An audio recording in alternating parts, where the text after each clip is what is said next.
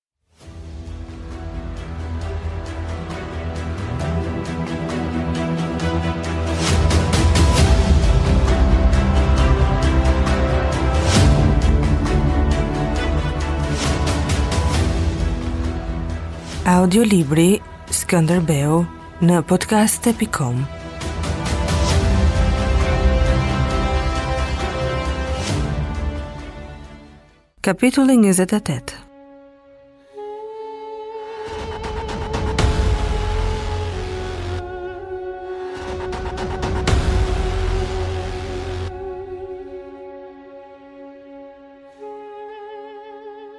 Në mbarim të shtatorit, binin rrebeshe të shkurtra shiu çdo pasdite dhe derdheshin nga pika të ndryshme të një qielli të marrosur. Banorët në arrati nuk arrinin të hynin në strehë, por kjo i gëzonte sepse sillte diçka të re ndërmjet tyre dhe armikut dhe sigurisht paralajmëronte fundin e një gjendjeje që nuk mund të zgjaste më tej.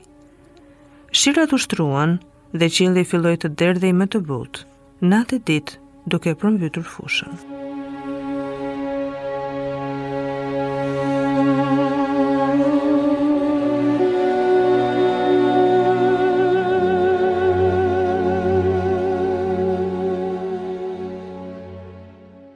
Më 25 shtator, me 300 kalorës të gardës së ngjitej në kodrat e fshatit Marikaj, të veshur me shqopa e mare.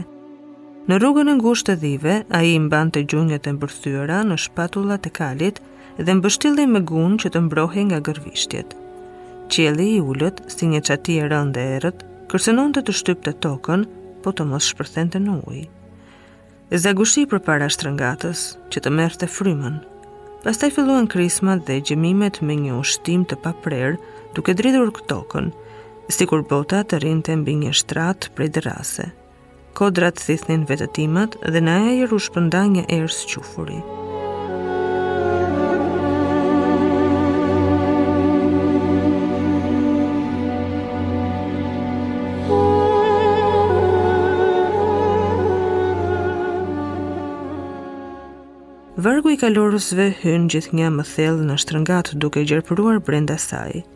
Asnjëri nuk fliste, sepse askush nuk kishte parë ndonjëherë një kërcënim të tillë të qiellit. Skënderbeu shpejtonte, sikur lart në majë do të arrinte një mik. Në fillim ranë disa pika shiu gjysëm të ngrira, që kalonin qorrazi dhe ngjiteshin në tokë. Pastaj ajri u ftoh dhe u lehtësua, dhe qielli u shkreh me një furi që përmbysi tokën në pak minuta. Drurët kulluan dhe uji lau baltën e kuqe duke e bërë ngjitjen më të vështirë. Skënderbeu kërkoi me sy një vend të hapët ku të pushonin kuajt të vrarë nga lodhja. Ai zuri të bluante edhe njëherë në mendje, bisedën e djeshme me Jakup Beun, këshilltarin e fshehtë të sulltanit.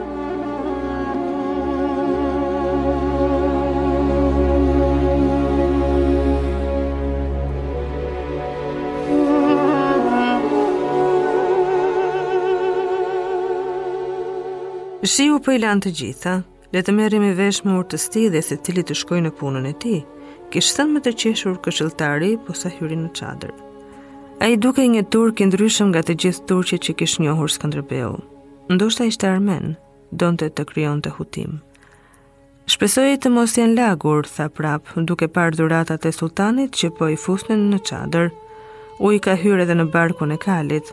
Ky është një vend i vogël për kaq shumë shi dhe erë. Çfarë kërkoni ju për marrëveshje? pyeti Skënderbeu.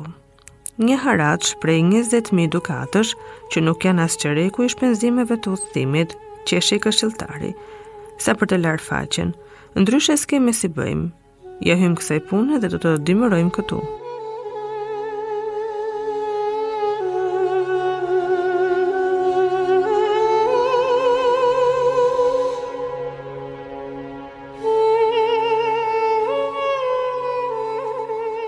Ai i rrinte Skënderbeut përpara fytyrës dhe i fliste si një të njohurit të vjetër, duke i ndjellë të kaluarën. Skënderbeu u përmbajt dhe tha me të qetë. Mos e dhëntë zoti që sytë e mi të shohin këtë vend t'i ulet haraçit.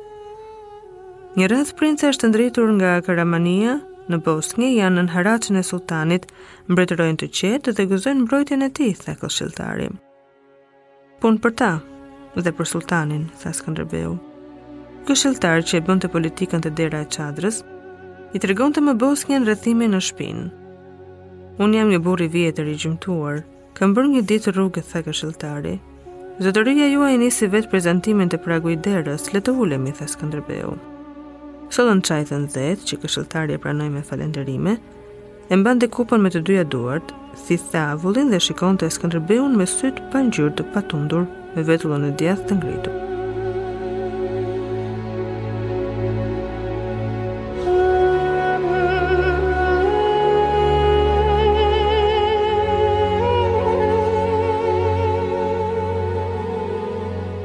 Kruja nuk i qëndron dot një sulmi tjetër, as rrethimit, tha këshilltari. Fjalët i hynë Skënderbeut si një gjemb në brinjë dhe u inatos që këshilltari e vuri re. Këtë lajm duhet t'ia çosh sultanit, jo krutanëve, tha ai. Këshilltari u hoq sikur nuk dëgjoi, piu çajin dhe tha: Dhe në mos rëntë Kruja tani, sultani do të dimërojë në vendin tuaj. Po përgatitet dimërimi nga Berati në Dibër. Përse vallë gjithë kjo tallandi? Është gjynah të mos biem në ujdi. Foli me një farë ngashërimi në zë dhe lëvizi krahun sikur do t'i vinte dorën në sup Skënderbeut për ta ftuar të hynin në lëndinë, ku mund të hapnin zemrat miqësisht.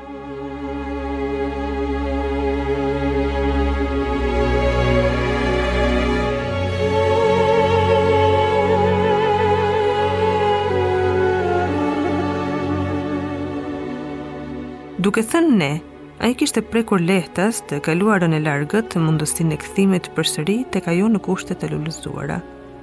Skënderbeu po zbehej, Këshilltari kryqëzoi duart në prehër dhe mori një pamje të vajtueshme.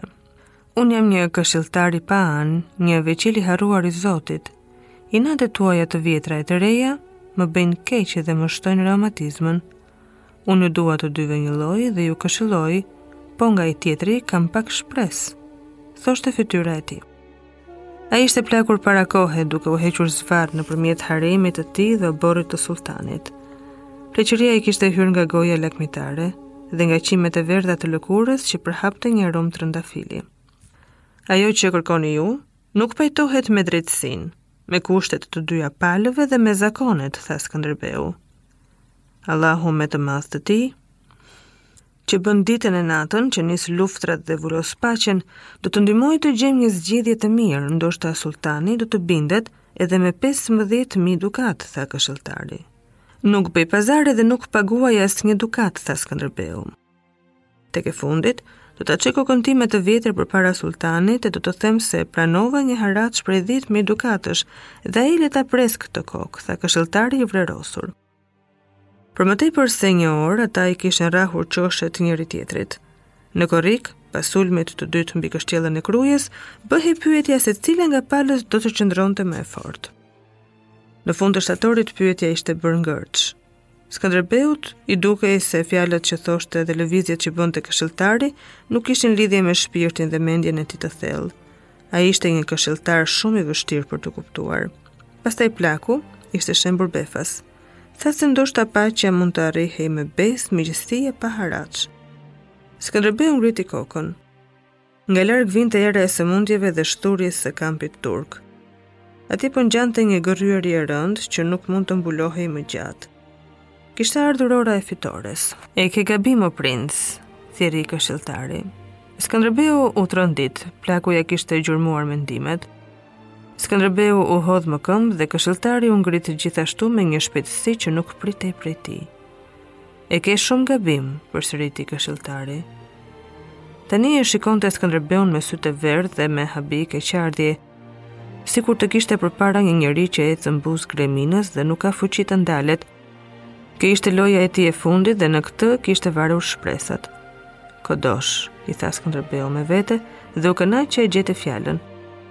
Ai do të jepte diçka të çmuar sikur të mund t'i thoshte me zë të lartë, kurvar. tha prapë ai. Donte ta kapte, ta përdridhte, ta çonte lart dhe ta flakte përtej kampit. Ai kafshoi buzën dhe mblodhi veten. Ju do të ikni, or babalok, tha Skënderbeu. Pas shiut do të fillojë breshëri. Në këtë vend bie edhe dëborë. Ju s'keni ushqime për njerëzit dhe kafshët. Ju e dini se Kruja nuk jepet. Po edhe në ndenjshi, punë për ju. Ne jemi një popull i mësuar me të keqen dhe durojmë çdo gjë. Ai u ndal i habitur për vërtetësinë e kësaj fraze të fundit, sikur ta kishte zbuluar aty për herë të parë. Ju i patë dhe i prekët me dorë këto dhe do të mbarteni dy javë e sipër. Këto plaçka merri prapë, tha ai duke treguar dhuratat e sulltanit.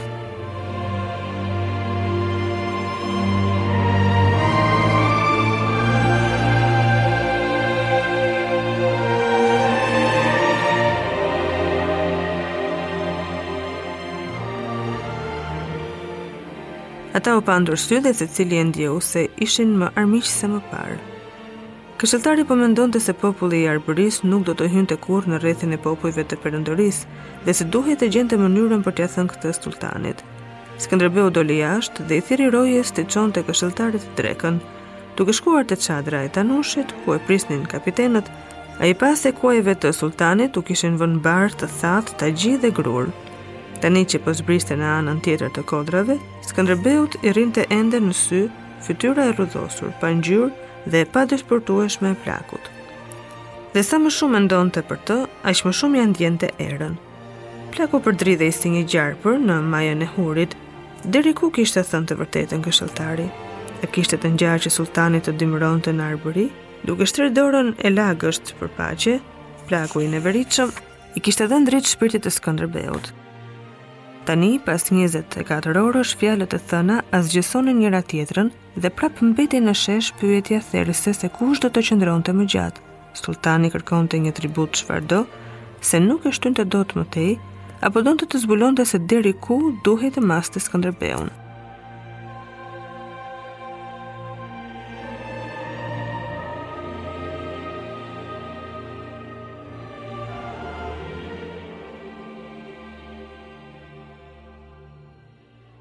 Ishte zakon i sulltanëve të hapnin fushatat në pranverë e t'i mbyllnin në vjeshtë. Por në vitin 1446, Murati ishte nisur nga Edreneja në tetor me 80 mijë ushtarë. Kishte thyer në Korint despotët e Greqisë, pastaj ishte sjellë 4 muaj poshtë e lart, duke u përballur me dimrin në fushim. Nëse fushimi ishte i pamundur para Krujës, Murati do të zhvendoste kampin në kodrat e Durrësit për ta mbrojtur nga ujërat, të siguronte një furnizim të rregullt nga Venediku e me anijet e tij nga deti do të mbante Krujën e rrethuar. Plaku nuk e zuri asnjëherë me gojë Venedikun. A mund të ishte ky plani i vërtetë i Muratit? Toka po zgjohej. Pas rebeshit kthehej jeta.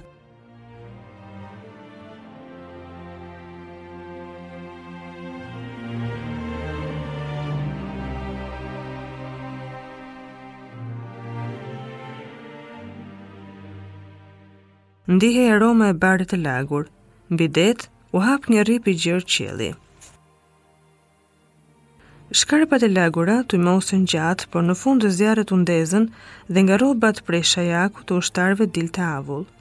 Skënderbeu u ndie i vetmuar dhe iu desh të shikonte rrotull që të bindej se ndodhej në mes të gardës. Flakët e zjarrit t'i digjnin pëllëmbët dhe nuk e ngrohnin. Jo çdo kullotë pastrohet nga zjarri, mendoi ai. Kjo fjalë e urtë përdorej në malësi.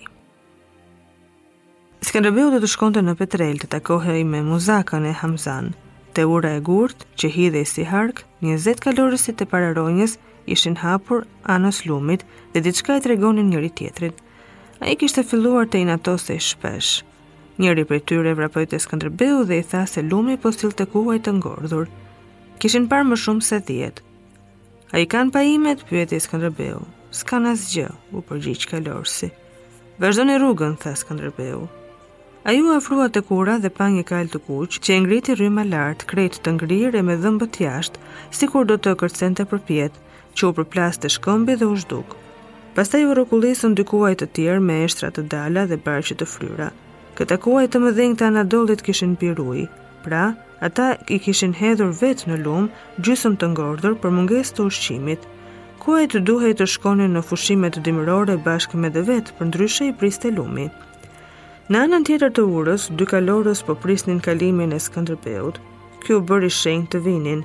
I pari prej tyre, eci i qetë përmes urës me kalin për dore, dhe kur arriti para Skënderbeut, përshëndeti dhe nxori nga gjoksi një pergamenë të mbështjellë me pëlhurë mëndafshi, pa thënë asgjë. Skënderbeu e pa me dyshim, duke pushtuar me të njëjtin vështrim edhe hapësirën prej nga vinte ky njeri. Atij i shndriste lëkura nga mishi, orizi dhe fasulet. Ishte nga ata që nxirren gjallë nga dheu dhe ushqimin e tyre e shikojnë si diçka që nuk lidhet me njerëzit dhe rrethanat. Mbi pergamenën me vulën e thyer, Hamzai kishte shkruar katër fjalë turqish, uri me tatë të puth dorën. Skënderbeu i zbriti kalit, u hoq mënjanë, u ul mbi një gur dhe hapi pergamenën. Ishte një thirrje e ngutshme e vezirit të madh, shkruar në Sofi e drejtuar sulltanit. Hungarezët po dyndeshin me shumicë në Danub dhe kryeqyteti ishte në trazirë. Veziri i puthte sulltanit këmbët dhe i luste të kthehej një orë më parë. Shkronjat filluan të dridheshin. Ato u përkundën e u qanë që u ishte prerë rruga dhe më në fund rreshtën. Skënderbeu filloi të lexonte përsëri dhe në sy trazoheshin kuajt e ngordhur në buzëqeshjen e ngjitur të Jakup Beut, s'kishte asnjë dyshim për thirrjen e lebetitur të vezirit. Skënderbeu thirri pranë dy kalorësit, ai pari ndenji me këmbët hapur si një njeri i rritur në kalë, E prapa tij rrinte i fshehur tjetri, i ngjitur si një bisht, një djalë fare i ri.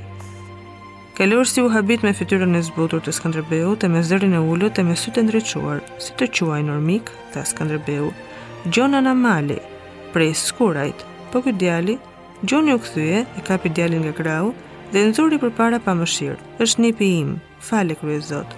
Llupës i madh dhe ushtar i mirë. Djali me fytyrë me njolla ngjyrë kafe, sikur ta kishin spërkatur dikur, dhe ai të kishte qeshur me këtë punë. Hoqi shapkën e madhe dhe mori zjarr, me flokët e kuq me qime të verdha të rinisë sipër buzëve.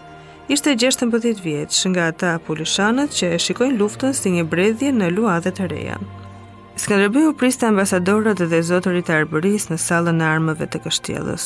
Kryesonte darkën dhe dëgjonte fjalimet.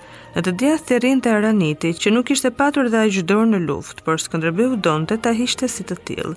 Pastaj Vrana Konti, i dyti në ushtri pas Skënderbeut, Moisiu, Tanushi, Hamzai, burra të shquar, që i qëndruan luftës.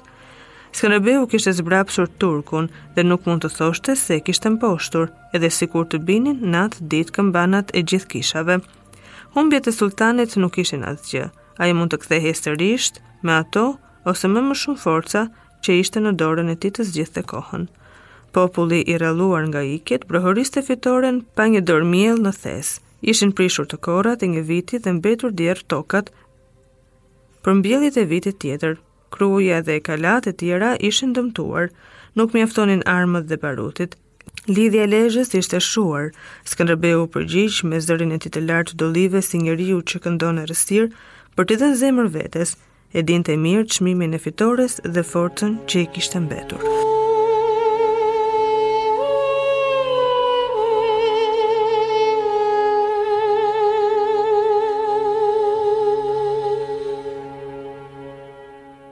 Audiolibri Skënderbeu në podcast.com